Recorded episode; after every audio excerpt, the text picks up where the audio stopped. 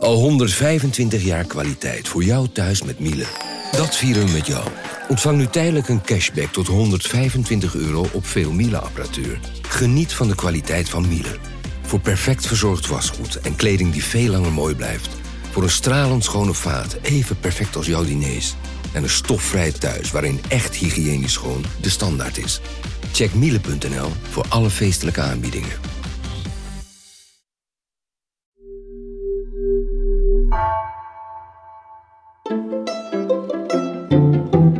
Welkom, wij zijn Onbehaarde Apen. Dit is een podcast van NRC over wetenschap.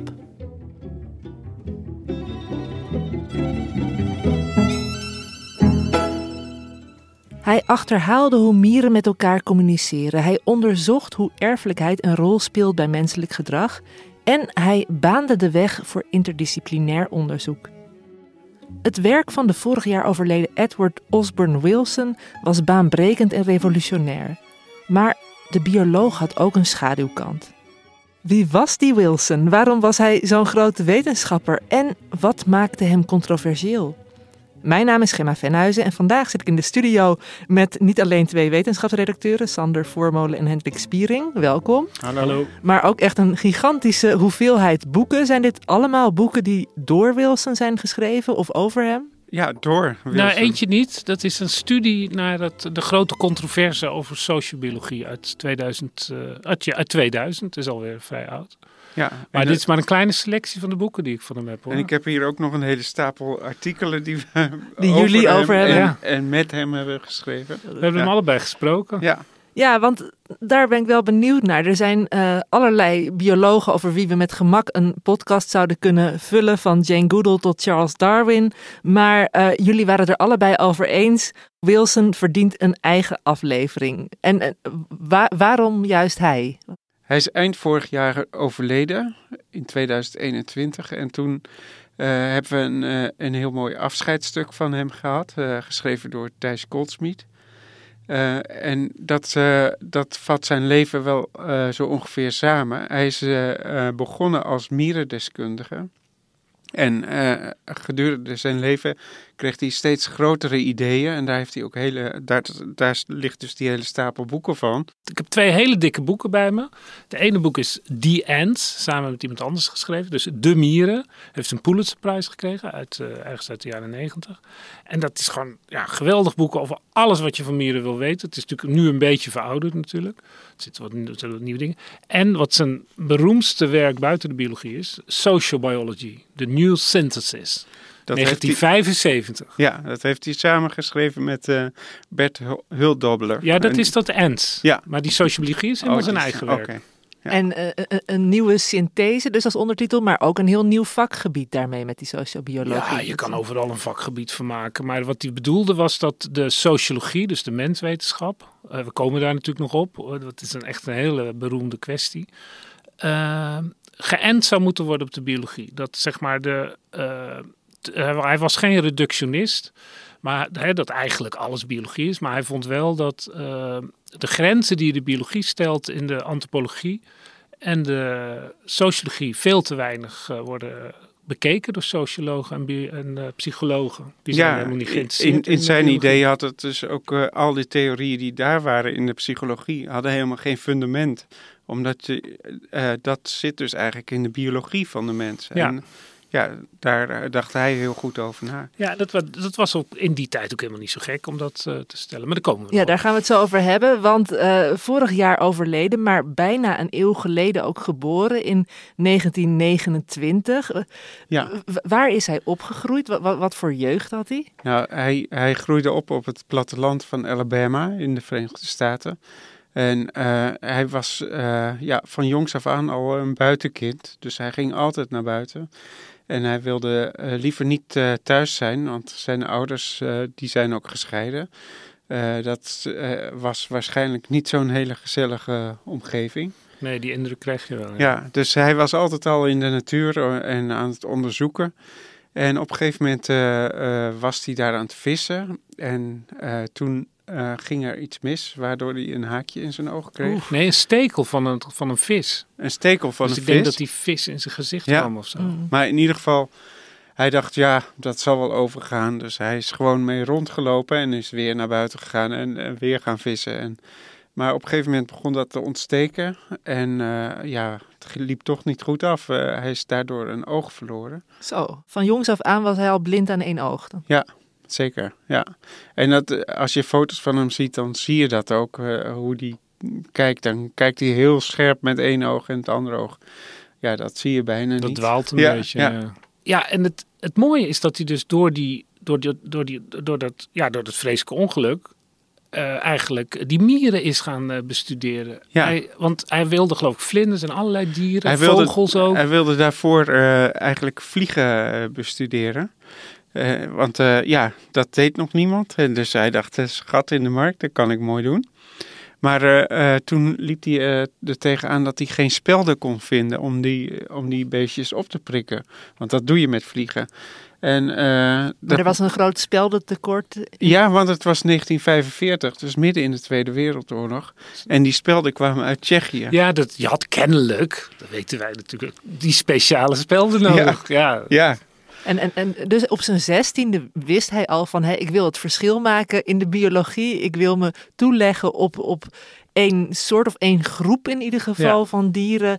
waar nog weinig over bekend Ja, is. Maar dat, dat is ook zo mooi. Dus het loopt als een soort rode draad door zijn intellectuele geschiedenis. Dat hij ja, een soort brandende belangstelling heeft om, om iets helemaal te begrijpen. Als je dat mierenboek leest, ja, je, je, je zakt gewoon helemaal in, in dat hele systeem van die mieren. Dus hij, het is, dat, dat maakt hem ook tot een groot wetenschap. Hij heeft en totaal aandacht voor het, voor het ene. ja, En tegelijkertijd met die sociobiologie voor het grote. ja. Dat is echt vrij bijzonder. Ja, precies, ja. ja En- op alle niveaus tegelijk. En met die mieren had hij dus al als, als volgens mij als 15 of 16-jarige jongen, had hij in, als ik me goed herinner, in Mobile, Alabama, waar hij toen woonde volgens mij, gewoon gezien dat, hé, hey, wat een rare mier. Dat is een mier, die hoort hier eigenlijk niet. En hij, was, hij is dus eigenlijk de eerste geweest die toen ontdekte dat de vuurmier, een van de meest akelige mieren die er is, die hij dus in extenso ge, ge- onderzocht heeft eh, later en toen eigenlijk al.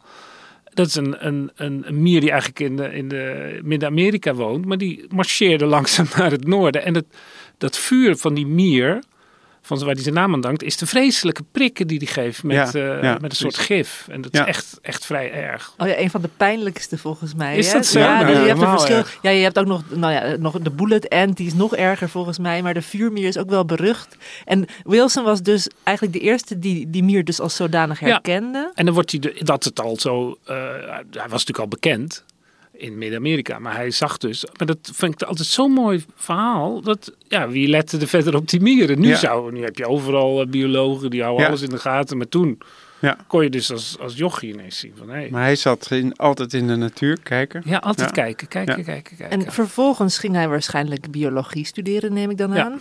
Ja. Ja, hij is eerst nog op een soort legerschool geweest. Maar dat was Dat moest toen in die ja, tijd. ja. En, en bleef hij die interesse in mieren houden? Of was dat meer een jeugdliefde en, en verschoof hij toen wel zijn blik naar het bredere? Of het, oh, ja, ja, ja, je houdt het boek even tevoorschijn. Ja. Oké, hij bleef zijn Dus, interesse er staan in meer dan mieren duidelijk 600 eh, mierensoorten in, dus kun je nagaan. deels ook door hem beschreven Ja, voor ja, het ja. eerst. Ja, ja, hij heeft heel erg veel. Want hij heeft dus hele, de hele jaren 50, als je dat, die, die biografie leest, eh, werd het, ja, ging ik al wel heel snel in Harvard te werken. Maar bracht hij eh, door op eilanden in, in eh, de, de Stille Zuidzee en eh, Nieuw-Guinea en overal. Weet je, Ja. de, de man was nergens bang voor ook. En wat vond hij zo fascinerend aan die mieren? Ik bedoel, ging het puur om de, de uiterlijke beschrijving, om hun gedrag? Of... Aanvankelijk was hij natuurlijk geïnteresseerd in, in welke soorten mieren er allemaal waren. En dat, de diversiteit bleek dus enorm. En hij, eh, zijn specialiteit was om, om dat heel precies te beschrijven. En, en zo ontdekte hij ook talloze nieuwe soorten. Ja, op allemaal eilanden in de, in de Pacific en in Cuba. Hij is allemaal... Hij is overal Hij geweest. is overal geweest, echt onvoorstelbaar. En Ja. hij, ik denk dat er eigenlijk bijna niemand is die zoveel nieuwe mierensoorten heeft ontdekt als, eh, als hij. Als Want- Ed Wilson, ja. ja, ja, precies. En eh, gaandeweg ontdekte hij ook dat eh, die mieren heel bijzonder gedrag hebben. En, ja, daar, daar ging hij toen ook mee verder. Uh, heeft uh, vooral heel veel onderzoek gedaan aan de communicatie ja. uh, van mieren. En dat, dat vind ik dan ook, dan zie je ook de grootheid, dat hij dus altijd op verschillende niveaus. dus ja, er zijn, er zijn mierendeskundigen, entomologen die, die soorten, dat is dan hun ding, nieuwe soorten. En ja. En ja, die worden daar groot mee en een belangrijke professor. Maar hij doet dat. En dan doet hij dan ook nog van ja, maar wat, wat doen ze nou de hele dag? Hoe werkt dat? Wat is zo'n mierennest? Uh, hoe, wat, zeg maar de grote vragen die jij ook hebt van hoe communiceren ze? Wat, Hoe kan dat allemaal zo goed georganiseerd zijn? Ja, want hoe, hoe communiceren mieren dan? Ja. Via chemische communicatie. Ja, en dat was echt, echt een, uh, een, een geweldige ontdekking. ja. ja. Dat heeft hij ontdekt met die sporen naar voedsel. Hè? Zo is het begonnen, toch? Ja, precies. En, uh, Hij ja. legde voedsel neer dan? Of wat moet ik me daarbij voorstellen? Nee, uh, als een mier dus uh, een, zeg maar een dode, dode vlieg ergens vindt... dan waarschuwt hij zijn soortgenoten waar ze die vlieg kunnen vinden aan de hand van een spoor. een chemisch spoor. Ja, dat heeft hij ontdekt. Ja. Want ja. er komt dus een mier. Ineens gaan al die mieren gaan naar die, gaan naar die dode mug. Of wat is het? Ja. Hoe? Hoe? En, en hoe ontdekt... Ze kunnen niet praten. Nee, en, en dus dat is dan, zijn dan onzichtbare stofjes, uh, pheromonen kan ik me dan voorstellen. Van, die, van die geurstoffen waarvan we nu ook weten, van, die spelen bij mensen ook een rol. En ja, dus je moet, je moet dat heel concreet zien. Hij ziet, hij heeft, uh, ik ben ook bij hem in zijn lab geweest. Er lopen overal mieren door, door glazen buisjes. Hij, ja. Dat heeft hem ook altijd bezig gehouden. En uh, hij zit dan ook in zijn lab, zit hij te kijken, nou, want dan kan hij het natuurlijk goed zien. Maar ook op de grond doet hij dat, buiten doet hij dat natuurlijk ook. Maar dan kijkt hij en dan denkt hij, ja, wat gebeurt er nou eigenlijk? En ik zag, hij heeft het dus beschreven in, in dat boek The Ends, dat hij dus gewoon zag dat dan zo'n dier, wat, dan legt hij natuurlijk zelf wat neer, dan kijkt hij, nou, ontdekken ze het, gaat hij terug en dan komen al die anderen. Wat doet die mier die terugloopt? Die, beweegt, die tikt telkens met zijn buikje. En zijn, daar zit dan ook een soort angel aan. Het bierenlichaam niet helemaal voor ogen. En dan tikt hij iedere keer even de grond aan. Dat is gek. Moet je dus nagaan dat je dat ziet. Het is allemaal zo ongelooflijk klein. En dan gaat hij ook die stof proberen te zoeken. Ja. En ja, wat voor stof is dat dan? En, en want kijk, die stof, wat er dan gebeurt, dat is dan weer puur observatie. Die mier loopt terug. Tik, tik, tik, tik. Iedere keer raakt hij het aan. Die andere mieren, die, die, ruiken dat. En het zijn, zijn grote ding. Het is dus niet een signaalmolecuul die, waaruit ze kunnen afleiden dat er voedsel is. Nee, het is een commando. Ze kunnen niet anders dan dat spoor volgen. Het is gewoon ga hierheen, ja, maar dan het, is een, het is een, een, een computercommando in software. Ja. En wat gebeurt er dan? Die andere mieren, die komen ook weer terug. Als daar voedsel lag, doen ze ook weer tik, tik, tik. Dat spoor wordt steeds dikker. Totdat het voedsel op is. Dus eigenlijk een steeds hardere uitroep van ga hierheen, ja, ga dus hierheen. Dus er komen steeds meer. Ja. En die allemaal als ze terug gaan, weer voedsel, tik, tik, tik. En al die anderen gaan er ook doen. Tot er geen voedsel meer is, dan doet niemand meer tik, tik, tik. Dus dat is ook al zo krijg je die hele mierenstraten die, uh, waar duizenden mieren heen en weer lopen. En het gebeurt dus, dus op allerlei gebieden. Op aanval, op angst, op herkenning. Van is dit een mier van mij of van de buren? Ja. Hè, dus dat, is dit een koningin of niet? En dat zijn dus voortdurend subtiele evenwichten. Ik geloof dat die hele mierenkolonie wordt geregeerd door twintig stoffen. Ja, en dus- dan 20.000 mieren natuurlijk in, in en, die kolonie. Van afstand gezien totaal complex gedrag. Dus dat sloeg natuurlijk in als een bom. Ja, dat er gewoon een hele nieuwe taal werd ontrafeld door Wilson. Ja, en een commandotaal. Dus het is haar software. Ja. Ja, en ze noemden dat ook een superorganisme, zeg maar. Dat, dat de hele kolonie gedraagt zich als één organisme. En, en uh, ja, tot zijn grote spijt werd dat later ook helemaal doorgetrokken. Uh, zeg maar, dat mensen zeiden van ja, de hele aarde is een superorganisme. Maar daar moest hij niks van ja, hebben. maar ook dat, want uh, je hebt het beroemde boek van Hofstetter, Gödel, Escher, Bach. Ja. Waarin ook een gesprek. Wat iedereen heeft in de kast, nou, maar nooit gelezen. Ik heb het gelezen. Het is geweldig. het, als je dat, daar komt een gesprek in met een mierennest. En dan uh, degene die dan met hem praat, dat doet er niet zoveel toe. Die trapt er nu en dan wat mieren dood. Maar dan zegt het mierennest, nou die kan ik wel missen. Ja. maar uh, daar heeft uh, Wilson over gezegd in zijn autobiografie. Van ja, dat is wel leuk. Maar het, een mierennest is geen brein. Daarvoor zijn er veel te weinig mieren. Ja, En nu- dat is toch fantastisch? Ja. Want een, een brein, Ja. zelfs van, van een hond, heeft natuurlijk honderden miljoenen, eh en nou, dat zeg je miljarden. al, miljarden. Ja, Ja, maar- maar- miljoenen al, met zoveel Ja. mieren zijn er Want, niet hoeveel, want, want Wilson was wel ook een van de mensen die een poging deed om te becijferen hoeveel mieren er op aarde leven, toch? En dat, Nou, hij heeft dus gezegd, er zijn eh 12.000 mierensoorten beschreven. En omdat hij, hij zegt van eh, de helft van, eh, van de mierensoorten die ik opzoek, die zijn onbekend.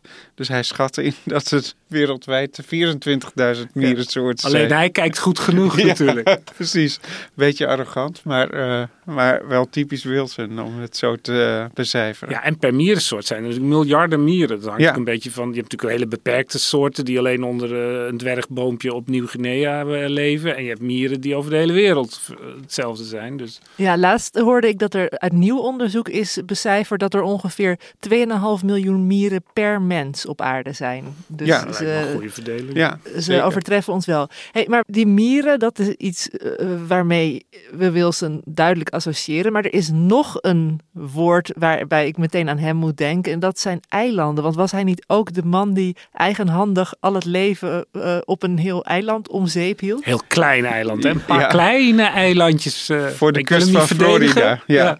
Maar eh, tegenwoordig zou zo'n experiment natuurlijk niet meer mogen. Dat je eh, moedwillig eh, de natuur even oprolt om te kijken wat er gebeurt.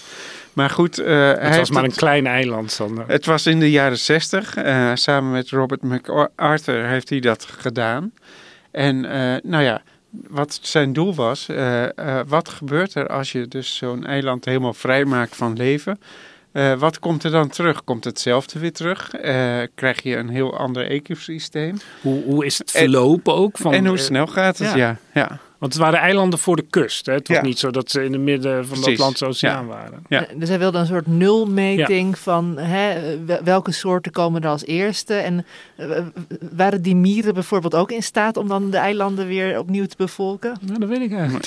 ik, ik weet niet wat eruit is gekomen. Nou, en hij heeft natuurlijk vooraf onderzocht wat het leven Ja, was ja, op ja, het precies. eiland. Dat is eigenlijk een nulmeting natuurlijk. Ja. En dan, als je nou nog een keer doet. in zijn notitieblokje alles gezegd eh, van eh 700 kevers van deze Ja. soort en, eh, en 800 mieren van die soort. En die werden allemaal met gifgas vervolgens Ja. Uitgeroeid. En ja, nou, jullie zeggen van hè, eh, tegenwoordig zou je dat er niet meer doorheen krijgen. Maar destijds eh, zorgde dat toen ook al wel voor Nee, commentaar. totaal dat was, nee, Nee. dat- ja we hebben dat eh, experiment is, eh, is natuurlijk ook wel natuurlijk wel eens eh, plaatsgevonden. Als een, bijvoorbeeld een vulkanisch eiland uitbarst en dan, dan is alle leven daar weggevaagd. Maar dan na verloop van tijd komt er dan weer nieuw leven, zoals bij Krakatau bijvoorbeeld. ja, dus Wilson was een soort vulkanische kracht die Ja, de natuur Wilson als nabootste. vulkaan, ja. Ja, Ja, en het interessante is dat die MacArthur, waar hij mee samenwerkte, die eigenlijk alleen maar bij groot publiek bekend is vanwege, vanwege dit, bij groot wetenschappelijk publiek, Ja. eh, dat was een wiskundige. En dat was dus een hele goede intuïtie, want eh, zoals eh, ik geloof Thijs Goldsmith ook in zijn Necro zegt, de meeste biologen zijn geen goede wiskundigen. En Wilson wilde dus heel erg modelmatig dat allemaal gaan, gaan doen, echt verder dan, dan Ja. dan met eenvoudige wiskunde. En daardoor heeft hij dus een soort systeem over biodiversiteit gevestigd. Over hoe soorten elkaar afwisselen. Hoe er bijvoorbeeld bepaalde. dat er eigenlijk altijd evenveel soorten op een bepaald gebied zitten. Waardoor je dus ook kunt meten. als er dus biotoopvernietiging is. hoeveel soortendiversiteit er haast per definitie verdwijnt. Omdat Ja. ja, als je dat allemaal niet van tevoren hebt berekend. wat die verhoudingen zijn. Het is dus een vrij bijna mechanisch systeem op dat soortenniveau. In Want- de praktijk zijn er veel verschillen, maar als je naar de soorten kijkt, is er een soort wetmatigheid. want Ja. je kunt dus eigenlijk zeggen dat hij de biodiversiteit kwantificeerbaar heeft Ja, gemaakt. ja. Ja. Ook behoorlijk baanbrekend en Ja. nog altijd actueel. En En in een tijd dat het woord biodiversiteit dus niet bestond. Dat, Ja. dat is pas in de jaren tachtig. hij- Dat kunnen we ons niet meer voorstellen. Nee, maar dat dat niet bestaat. dat is toch ook wel. Dat, dat hoor je dan de hele tijd terug in jullie verhaal. Dat hij zijn tijd best wel vooruit was op al Ja, die vlakken. Zeker. de- zowel van eh, het gedetailleerde en het hele grote. En dan nu dat cijfermatige. En, en dat biodiversiteitsonderzoek. En dan is er nog dat andere boek wat ik nog tussen jullie in zie liggen. over de sociobiologie. Want dat was ook een van zijn belangrijkste werken. Maar zeiden je ziet jullie. dus, hij gaat Ja. eigenlijk steeds groter, kan je Ja. zeggen. Zeker. Ja. Die, eh, dus hij had eerst die mieren. Dat liep altijd door. Dan krijg je die biodiversiteit, die, die eilandbiotopen. en dan kijkt hij nog groter. En dan krijgt hij dus in de jaren 70 eh, schrijft hij een eh, boek wat echt als een bom inslaat. Ook al door zijn grote gezag wat hij inmiddels had. En ook omdat het midden in een enorm conflict liep. Wat bepaalt nu eigenlijk het, het, het, eh, het gedrag van de mens? Ja. Is dat de cultuur of zijn dat de genen? En daar stapt hij gewoon middenin Ja. door te zeggen dat eh, in de sociologie, en de antropologie en de psychologie, de, laten we zeggen de sociale wetenschappen, eh, eigenlijk veel te weinig rekening wordt gehouden met de begrenzing die de biologie daar stelt. En als je dat boek leest, dan, eh, ja, dan is dat gewoon een hele mooie, met ook best voorzichtige. Want als je dat dus leest terwijl je weet dat er zo'n enorme ruzie over is geweest, dan denk je, ja, het zal wel heel erg zijn. Nee, het is helemaal niet zo. Dus hij heeft dan ook het idee dat degene die het, wat de mens meeneemt, die houden de mens aan een soort hondenriem, een leash. Ja. Dat is een, een, een, een hondenriem. En als, zolang die riem niet strak staat, kan die hond lopen waar die wil. ja. Alleen er zijn natuurlijk grenzen. En ja, nu is dat bijna een truism. Maar het was in die tijd een provocatie natuurlijk ook. En, en dat zie je al aan de ondertitel, de New Synthesis. Want dat, dat verwijst naar de eerste eh, mensen die, die het hadden over evolutie via DNA. En die, die hadden ook zoiets van, eh, ja, eh de genen die, eh, die bepalen ons evolutionaire succes. En die provocatie was wat het zo controversieel maakte dan. Ja, en het was, het, het, was het, de, het, het, het, het, het was zeg maar nog eh, de hele cultuur van de jaren zestig, waarbij heel erg benadrukt werd dat de cultuur bepalend was. De mens werd eigenlijk als een, als een tabula rasa geboren. En dan werd- Maakbaar. Ja. Ja, ook, ook vanuit marxistisch links standpunt. Als je dus zegt van eh, eh, de mens wordt bepaald door zijn aangeboren neigingen. En dat moet dan verder gaan dat hij moet eten om niet dood te gaan. Dat, ja, dat is natuurlijk een, zo simpel. Maar dat er bijvoorbeeld, eh, dat, dat bijvoorbeeld bezit een, een, een ingeboren neiging is van... Je hoort me dat ik iets voorzichtig begin te praten. Want Ja. Om dat nou erfelijk te doen vind ik belachelijk. Maar het is een ingebo- dat een vanzelfsprekend iets wat bij mensen ontstaat. Of niet. En dan kan je dat door cultuur heel erg veranderen. Zo'n klein communistische samenleving. Dan is iedereen eh, gelijk gelukkig. Dus dan kan je iedereen plooien tot wat hij wil. Of zijn er beperkingen? Je zit gelijk in een politiek debat. In een tijd dat marxisme heel erg dominant was. Zeker in de, in de intellectuele cultuur. ja, de hele universiteit was links. in Dus hij heeft op een gegeven moment ook een, een, een kan water over zich heen gekregen tijdens een lezing. eh, eh, door, geloof ik, een feministische actiegroep. Ja. Die dan genocide, genocide riep. Ja, ja. Ja, als je maar eindeloos gaat doordenken, dan kan je zeggen: ja, als het genen belangrijk zijn, dan is hij eigenlijk een racist. Ja. Maar, maar je, je zou dus kunnen zeggen, hè, van die sociobiologie was voor hem gewoon een, een term om de, de psychologie wat biologischer te maken. Nou, ik denk dat het ook wel echt als provocatie is. Want Ja. ik, ik heb, hij kan heel, heel minzaam gemeen lachen. Ja, dus, eh, eh, maar die, die kan ijswater over hem heen. Daarmee laat ook wel zien hoe politiek het werd in plaats van alleen Ja. maar wetenschappelijk. En, en je zegt van, hè, je- zou er racisme dan in kunnen zien. Nou, dat werd, het- als je natuurlijk alles gaat uitvergroten, dan, dan, eh, en, en gaat doordenken wat hij eigenlijk bedoelt, dan gaat dat boek van die sociology debate van Ulrika Segestrele, dat is een Zweedse onderzoekster, maar het is helemaal in het Engels. Ze zit geloof ik ook in Amerika. Dat gaat helemaal daarover. Van, Ja. de- de- het is een soort inlegkunde waar Twitter eigenlijk niks bij is als je dat eh, nu bekijkt. En ook, dat maakt hij zichzelf natuurlijk ook schuldig aan, dat hij, hij bestrijdt eigenlijk, zeker als je dat nu leest, een soort stroopop. Maar er waren ook veel mensen die dat wel vonden, dat mensen eigenlijk als een tabula rasa geboren werd. Ja. Dus dat was makkelijk scoren Ja. natuurlijk. Ja, precies. En hij heeft ook nog een vervolg erop geschreven? On Human Nature. Daar Dat vind hij, ik eigenlijk zijn beste boek. daar heeft hij ook een Pulitzer Prize voor, geschreven, voor gekregen. En dat, eh, da- ja, in het Nederlands is het vertaald als de gouden kooi. Ja, belachelijk. Ja, maar als je Had dus... het dan de hondenriem genoemd? Ja, ja, precies. Maar daarmee wordt bedoeld van, eh, ja, dat is, eh, dat is een, een gouden kooitje waar we niet uitkomen. We worden Ja. gevangen gehouden door de biologie. Ja, precies. En dat was Ja. dus het vervolg op social biology. Ja. Om het nog eens uit te leggen eigenlijk. Eigenlijk sociobiology eh is het laatste hoofdstuk gaat over de mens en dit gaat alleen maar over de mens. Ja, en als je daar dan nu, ik weet niet in welk jaar is dat verschenen? 79. Ja, volgens mij 79. Ik kijk even in, eh, voorin. Dit is dus jouw exemplaar. Ja, Ja. dit is mijn exemplaar. Ook al flink belezen en zo. Ja. 78. Ja. Ah, ja.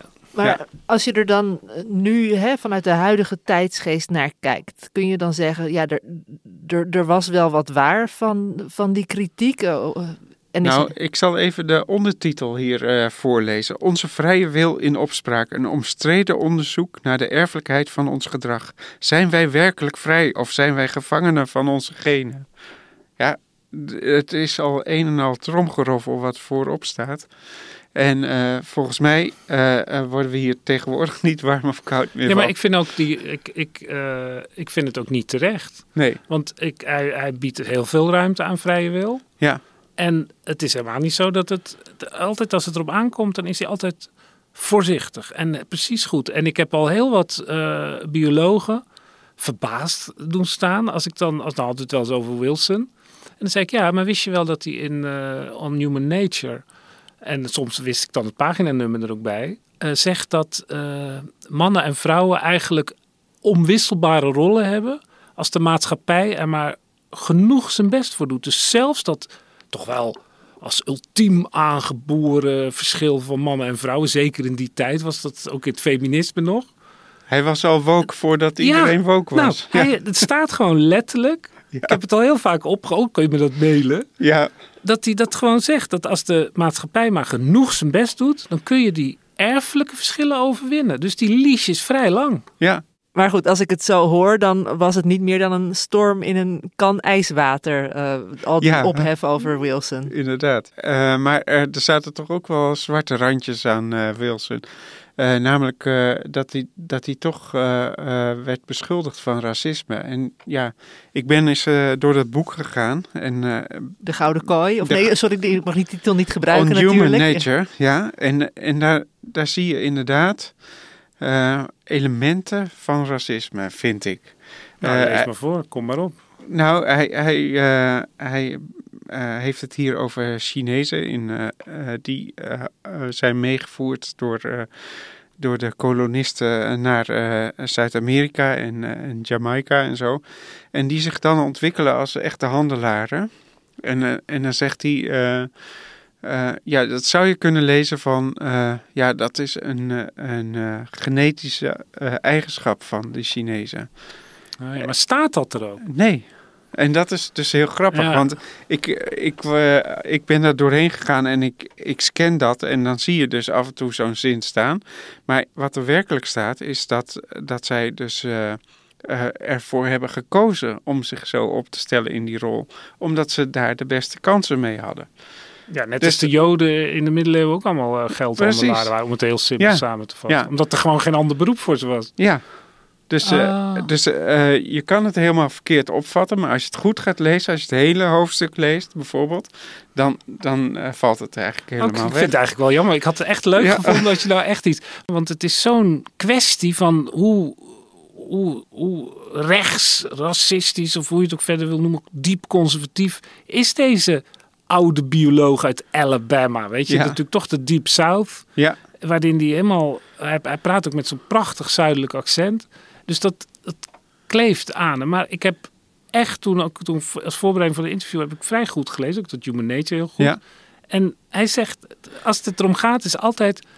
DNA bepaalt niet het gedrag. Het gaat juist om, om dat, Ja, die, al die precies. tussenwegen te ontdekken. En, en, en rassen bestaan niet. En Maar vanuit communistische hoek is al die eh, nuance dus verdwenen. En Ja. zien ze hem als de kwaaie pier. En ik heb, hij zegt ook wel eens iets over slavernij en zo. Maar als je het dan gewoon in de context Ja. ziet, dan, dan kan je niet zeggen dat hij fout. Maar er is dus een paar jaar voor zijn dood begon dat te borrelen. dat er een uh, brieven ontdekt werden. En dat is na zijn dood is er nog een soort mini-relletje ontstaan. Omdat er in uh, Scientific American een soort commentaar stond van... Uh, ja, Wilson, Scientific American natuurlijk een heel belangrijk blad voor dit soort dingen. Ja. Ehm, een, een, een, een opiniestuk stond van iemand die schreef... Ja, het is natuurlijk een geweldige bioloog, maar we moeten niet vergeten... dat hij dit en dit, dit heeft gedaan. En waar gaat het dan om? Het gaat er dan om dat hij uh, in de jaren negentig en ook later, in zijn persoonlijke papieren is dat teruggevonden, dat hij een, een en ik, ik, ik herinner me, dat was ook een heel, heel nageestig soort onderzoek over uh, uh, of zwarten nou intelligenter of dommer zijn dan ja. dan, dan, dan mensen van andere zogenaamde rassen. De bell curve, dat was toen een hele... Daar werd toen echt onderzoek Ja, ja, ja je, maar je, je, kan gewoon, dat is vaak heel simpel, je pakt alle IQ's onderzoeken van uh, mensen met een zwarte huidskleur, of, of hoe je het ook verder wil definiëren. En van, van, van Chinezen, van allerlei soorten populaties. En hey, verrek zeg, die uh, zwarte mensen uit uh, de ghetto's, die hebben veel lagere IQ-scores. ja een beetje socioloog zegt, ja, dat is het gevolg van het feit dat ze ja. zo slecht onderwijs krijgen. Precies. En bla, bla, heel verhaal uh, allemaal ingewikkeld maken. Maar dat is de kern natuurlijk. En dat is Philip Rushton, dat is dus een van die mensen die ook in uh, van dat soort tijdschriften, waar het eindeloos herhaald wordt, ah, er zit toch wel iets in. En dan moeten toch die theorie niet helemaal aan de kant schuiven. Echt, dat is vrij misselijkmakend. En, uh, maar dat, dat is een soort vriend van Wilson. En hij heeft ook bij een bepaalde tijdschriften dat, die uit onderzoeken enorm aanbevolen van ja, dat is geweldig. En dat is gewoon raar. Dus dat heeft hij eigenlijk, hè, weet je, zeg net in, het, in zijn persoonlijke ja, communicatie. In het openbaar heeft hij daar nooit een lans voor gebroken. Maar hij heeft wel tijdschriften aangeschreven ja. van kijk eens naar dit onderzoek, ja, en publiceer het. Zoals in een van die onderzoeken in de New York uh, uh, Review of Books stond dat geloof ik. Uh, dat dat er door, zelfs in zo'n blad wat dan dat soort onderzoeken uh, publiceerde, uh, die, uh, die wees het dan toch af omdat ze dat onderzoek wat hij zo prees niet goed genoeg vonden. Dat vonden zij zelfs niet goed genoeg. Nee. Dus ja, het is allemaal een beetje, het is, het, ja, het is, het is een beetje smoetsig, maar dan hij, ja. ja, dat valt natuurlijk niet te verdedigen. Maar aan de andere kant, hij heeft het niet in het openbaar gezegd. Nee. En als je ziet wat zijn openbare uitspraken zijn, ja, die zijn geweldig. En, over, en genuanceerd. ja, en genuanceerd. Ja. Nooit, nooit, nooit. Nee. Dus of hij, is, hij heeft het altijd diep geheim gehouden, dat hij ten diepste in zijn ziel racist was. Maar dat heeft, hij heeft er nooit werk van gemaakt. Want dit is Tenzij het nu blijkt dat hij een hele organisatie uh, had opgericht. Omdat, dat, daar had hij denk ik echt geen ja. tijd meer voor. Of bang was voor imago-schade dan. Of... Ja, maar goed. Nou, bang was hij eigenlijk niet. En bang was hij niet. Nee. En het, het, het, in, zijn, in zijn openbare uitingen, ja, dan kan hij toch wel heel goed liegen als hij dat allemaal niet meende. Dat kan niet. Ja, maar er is wel een soort discrepantie. Ja, is het een vriendendienst geweest? Hoe zat het? Het is heel raar. Het is een, het is een rare affaire. Ja, maar dat was dus wel degelijk toch een smet op zijn wetenschappelijk ja, blazoen. Absoluut, en dat heeft hem nog tot aan zijn dood... Op zijn persoonlijk blazoen. En het is pas vlak voor zijn dood naar voren gekomen. Daarvoor was het helemaal niet bekend. Ja, en er was nog een affaire dat hij, dat hij uh, ineens heel anders over, uh, over de, uh, de samenlevingen van mieren ging nadenken. Ja, maar dat is een wetenschappelijk conflict. Ja. En dat heeft met politieke fouten niks te maken. Dat nee. gaat over groepselectie. Ja. Dan kan je ook wel weggeluiden. Oh, je groepselectie, dan ben je dus eigenlijk een racist. Nee, ja. zo simpel nee, is dat nee, natuurlijk nee, niet. Nee. nee, maar dat ging dus over uh, waar komt het nou vandaan dat, dat zo'n mierenkolonie of een bijenkolonie uh, dan allemaal gehoorzaamt aan de koningin. En uh, ja, hoe verklaar je dat? Nou, ja, ontstaat dat krankzinnige complexe mechanisme eigenlijk. Ja. Wat een officieel wetenschappelijk probleem is. Hoe en, begin je eraan? En waarom offert zo'n mier zich op voor het hele volk eh, waar ze verder niks aan heeft? Dat het en, bijna een soort dictatorschap van de koningin is. Ja, precies, ja. En uh, ja, de, de klassieke verklaring daarvoor uh, komt van Hamilton. En die, die zegt dus van, ja, die koningin die is verwant aan, de, aan, de, aan het hele volk. En dus als de koningin uh, succes heeft, dan heeft het hele volk profiteert daarvan. Ja. Daar hebben we wel eens een podcast over gemaakt ook. Ja, precies. Ja. ja altruïsme. altruïsme. Maar goed, kinderen bij Maar goed, uh, Wilson kreeg dus uh, aan het eind van zijn leven, nou niet helemaal aan het eind, tien jaar voor zijn dood, kreeg hij een nieuw inzicht. En toen zei hij ja, Maar dat hoeft niet altijd zo te gaan. Altruïsme kan ook ontstaan door uh, een genetische mutatie, toevallige mutatie. En dan wordt zo'n heel volk altruïstisch. En uh, ja, daar uh, gingen de wenkbrauwen wel van omhoog bij, bij een aantal entomologen. Want die dachten, ja, hoe kom je daar nou bij? Het, dat Hamiltons rule, dat is eigenlijk onaantastbaar. Ja, dat is eigenlijk evangelie. Ja. ja. Zeker bij dat soort automatische soorten. Ja. Want veel bewustzijn zit er niet Precies, in zo'n ja. mier. Ja, nou het interessante was dat Bert Huldobler, zijn grote vriend, zijn grote vriend van, van de Ends, ja. Uh, die, die, uh, die was het eigenlijk helemaal niet met hem eens. Dus ze kregen daar ook uh, best wel een felle discussie over. Maar dat was nog een soort schreeuwen om aandacht? Of nee, nee, ik denk nee. dat het gewoon oprecht dat hij dat dacht. En ja. hij snapte eigenlijk niet waarom iedereen zo tegen hem begon te zeuren eigenlijk. Ja. Maar dat betekent ook wel dat hij voor niemand bang was. Ja, natuurlijk. precies. Ja, hij durfde dit gewoon te doen. Ja, en was heel uitgesproken in zijn ideeën. Want um, ik las onlangs ook over zijn theorie in een heel ander gebied, de natuurbescherming. Daar had hij een theorie over de halve aarde, de half-earth theorie, waarbij hij zegt van ja, de helft van de planeet moet tenminste worden beschermd om een gezond systeem te houden. En daarin had hij ook wel tegenstanders die zeiden van nou, uh, die Wilson die, die roept maar wat. Of uh, die heeft hele onrealistische ideeën van hoezo de helft van de aarde weggeven aan de natuur. Daar is helemaal geen ruimte voor. Nee, natuurlijk ja. is daar geen ruimte voor. Maar het is het een of het ander. Of willen we uh, de natuur laten voortbestaan, of willen we te gronden gaan. Ja, ja. Ik, vond het, ik vond het toen wel. Het, het was ook niet echt een wetenschappelijke theorie natuurlijk. Het was een provocatie. Ja, en dan, dat dan doet hij wel vaker natuurlijk. En dan komen ja. we op zijn, zijn laatste grote punt van, van waarom hij toch zo'n bijzondere wetenschapper is. Dat hij begin jaren tachtig, in de tijd dat het woord biodiversiteit eigenlijk niet eens bestond, ja. waarin toen pas eind jaren 70, begin jaren 80 ontstond het onderzoek van ja, uh, uh, hoeveel, hoeveel uh, oerwoud hebben we eigenlijk nog over? Wat nu zeg maar op de lagere scholen wordt onderwezen.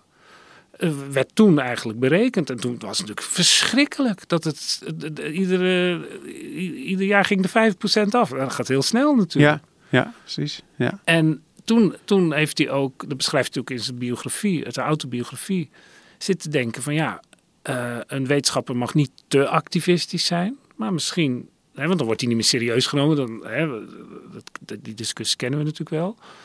Maar hij moet ook niet te weinig activistisch zijn, want hij ziet het en hij moet zijn stem laten klinken. En toen is er een soort uh, rainforest mafia ontstaan, waar ook uh, Jared Diamond, een bekende wetenschapper die ook veel op Nieuw-Guinea onderzoek heeft gedaan, ook in het oerwoud. En ja, toen hebben ze dat enorm de, de kattenbel aangebonden. Dat heeft wel uh, tot groot bewustzijn geleid. Toen is ook het woord biodiversiteit ja. groot gemaakt. In die, in, in die context. Ja, precies. Kun je toch niet meer voorstellen dat het woord biodiversiteit niet bestond? nee. Wilson heeft het in de afgelopen eeuw allemaal meegemaakt. Wilson als controversiële sociobioloog, als activistische natuurbeschermer als eilandbiograaf. Uh, als eiland, ja, bio, ja. biogeograaf. Ja. ja. Dus het, het, was een ontzettend veelzijdige bioloog. Ook revolutionair als je inderdaad eh, kijkt naar 1929 versus nu. Wat hij allemaal heeft ontdekt, waar hij allemaal aan heeft bijgedragen.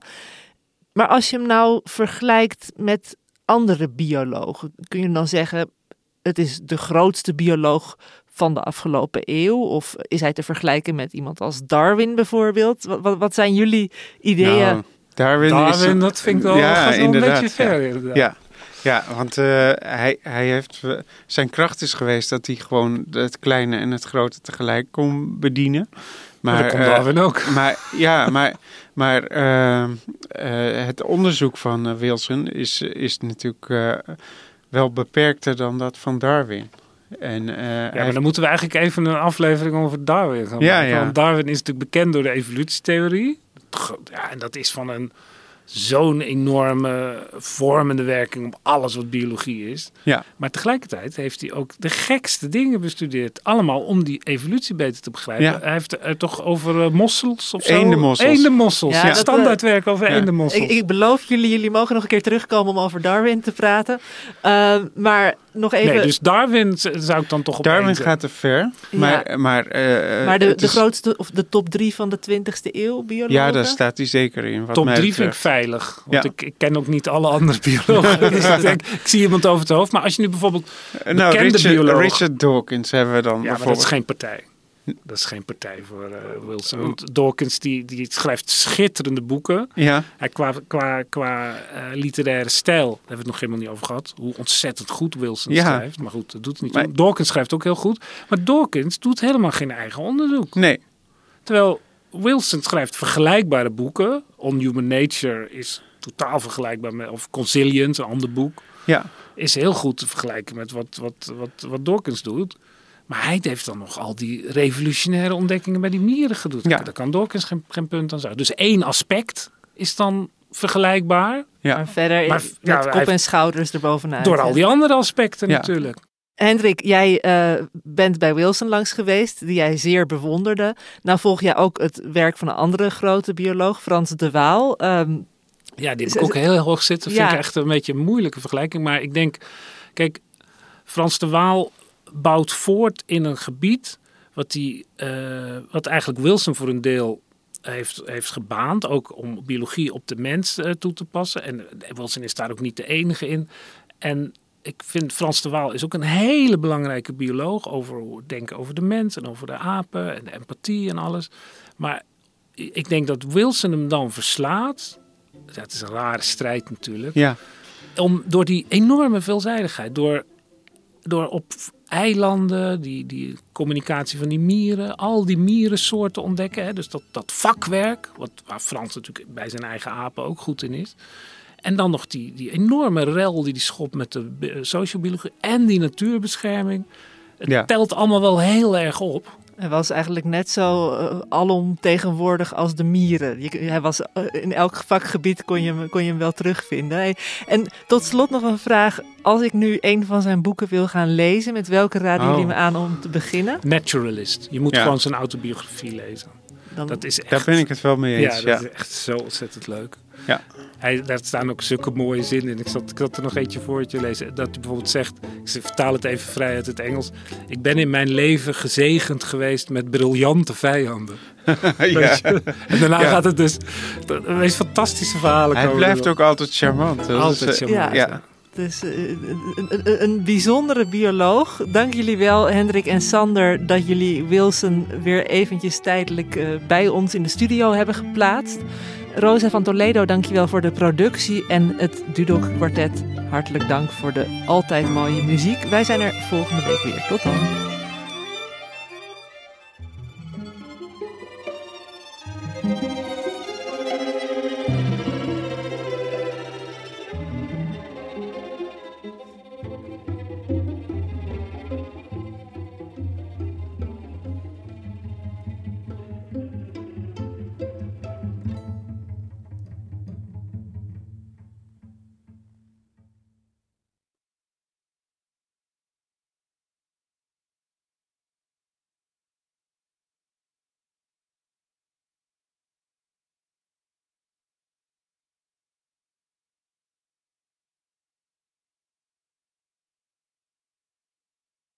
Technologie lijkt tegenwoordig het antwoord op iedere uitdaging. Bij PwC zien we dit anders. Als we de potentie van technologie willen benutten, kunnen we niet zonder een menselijk perspectief. Human-led, tech-powered noemen we dat. Ga naar pwc.nl.